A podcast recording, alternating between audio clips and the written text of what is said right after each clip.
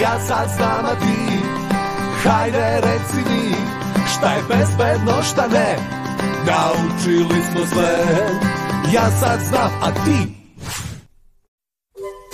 Ljudska potreba da se prilagodimo onima koje volimo prisutna je u svim sferama života. Mnogo lakše ćemo doneti odluku koja je u skladu sa stavovima osobe čije odobravanje želimo da postignemo. Ali, šta ukoliko pritom zaboravimo na sebe i svoje želje? O uticaju bliskih osoba na naše odluke i stavove učimo danas. E, desi ti? Nisam te videla juče na pripremama. Predomislila sam se, materi me teraju da se ipak upišem, upišem u medicinu, pa sad išla sam na druge pripreme. Ali ti lepo crtaš i voliš da slikaš. Zašto si pristala? Mama kaže da je ova perspektivnije. Ne znam. E, mislim, ako ne bi pristala, ljutili bi se na mene. Ne mogu da verujem. Ista si kao Petar. On sluša istu muziku kao njegovi drugari, iako mu se ne sviđa. Isto navija za njihov tim, iako on voli drugi tim. Samo da ga ne izbaci iz uh, grupe. Matori me smaraju da idem, da krenem na pripreme za medicinsku školu, a ja ne znam da li ću ja to uopšte moći, pošto ja kad vidim krv, meni pripadne muka. Ne znam šta da radim.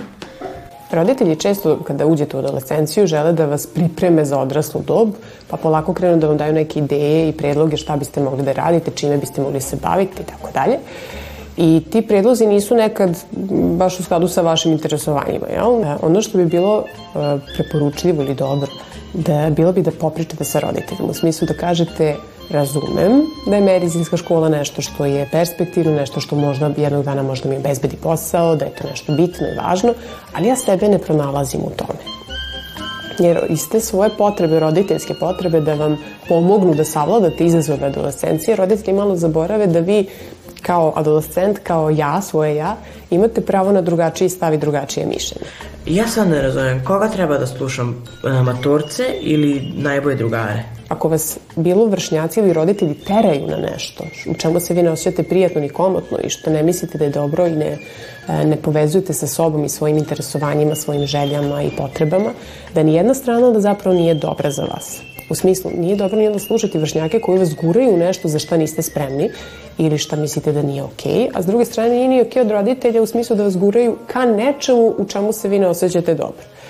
I da biste izbjegli taj, taj moment rastrzanosti, ono što bi bilo da dobro jeste da popričate sa vršnjacima i sa roditeljima u kom smislu. Vršnjacima staviti jasno do znanja da imate svoj stav i svoje mišljenje, i da ste spremni da rizikujete da budete i malo van grupe, ukoliko to znači da ćete pre svega poštovati sebe, što nije apsolutno prijatno, niti jednostavno, ali za neki dalje vaš razvoj jako bitno, a s roditeljima da popričate upravo o tom pritisku koji osjećate od strane vršnjaka, vršnjaka da se uklopite, u smislu svi ostaju do ponoći, zašto ja ne mogu da ostanem do ponoći. I da pregovarate zapravo nekim pravilima koje postoje u vašoj kući kako bi se prilagodili i roditelji vama, ali i vi roditeljima i napravili kompromis koji je na kraju dana najbolji za vas i za vaše funkcionisanje u vršnjačkoj grupi, ali i u porodici. Jedna moja rođaka kaže da može da se oblači cool kao njene najbolje popularne drugarice i čak i, čak i ako se njoj ne sviđa to oblačenje i da može da sluša muziku isto kao oni, uh, inače će izbaciti iz njihove grupe. Uh, da li je to ispravno? Ako mi stalno sebe oblikujemo prema željama drugih ljudi, to je kao da nemate oblik. Znate kameleon kako menja boju i oblik kad god ga stavite na neku drugu površinu. I kroz život prolazite zapravo kao taj kameleon koji se stalno prilagođava, a mu nikad zapravo nije udobno, nikad mu nije prijatno.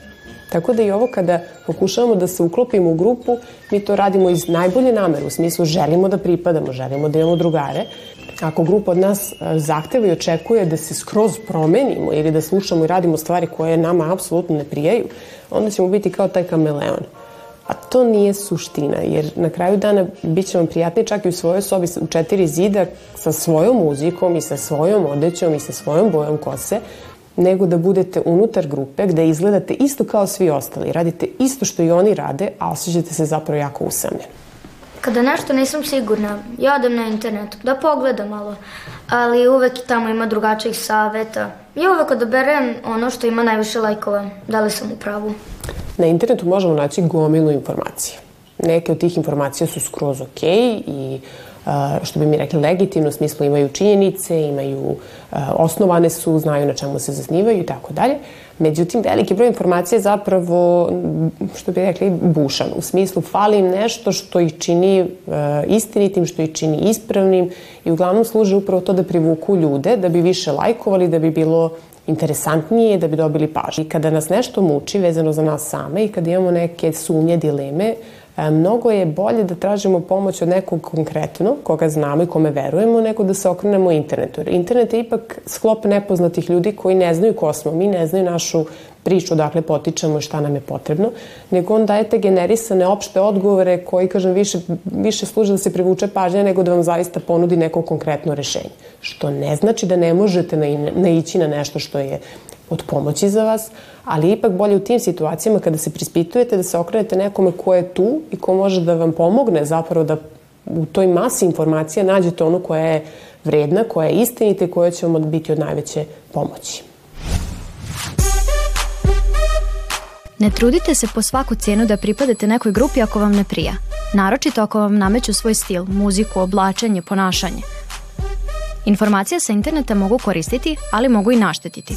U šumi objava neke su tačne, neke polovične, a neke pogrešne.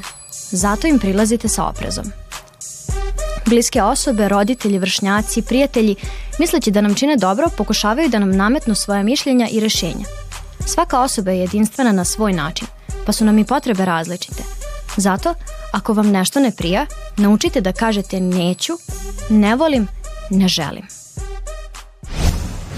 Čovjek je socijalno biće i ne može da funkcioniše bez odnosa sa drugim ljudima.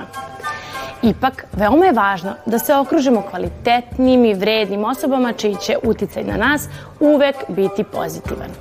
Ipak najvažnije je da dobro upoznamo sebe i svoje želje i da nikada, baš nikada, ne uradimo ništa što nas same može izdati. Ja sad znam, a ti Hajde reci mi šta je bezbedno šta ne? Naučili smo sve. Ja sad znam a ti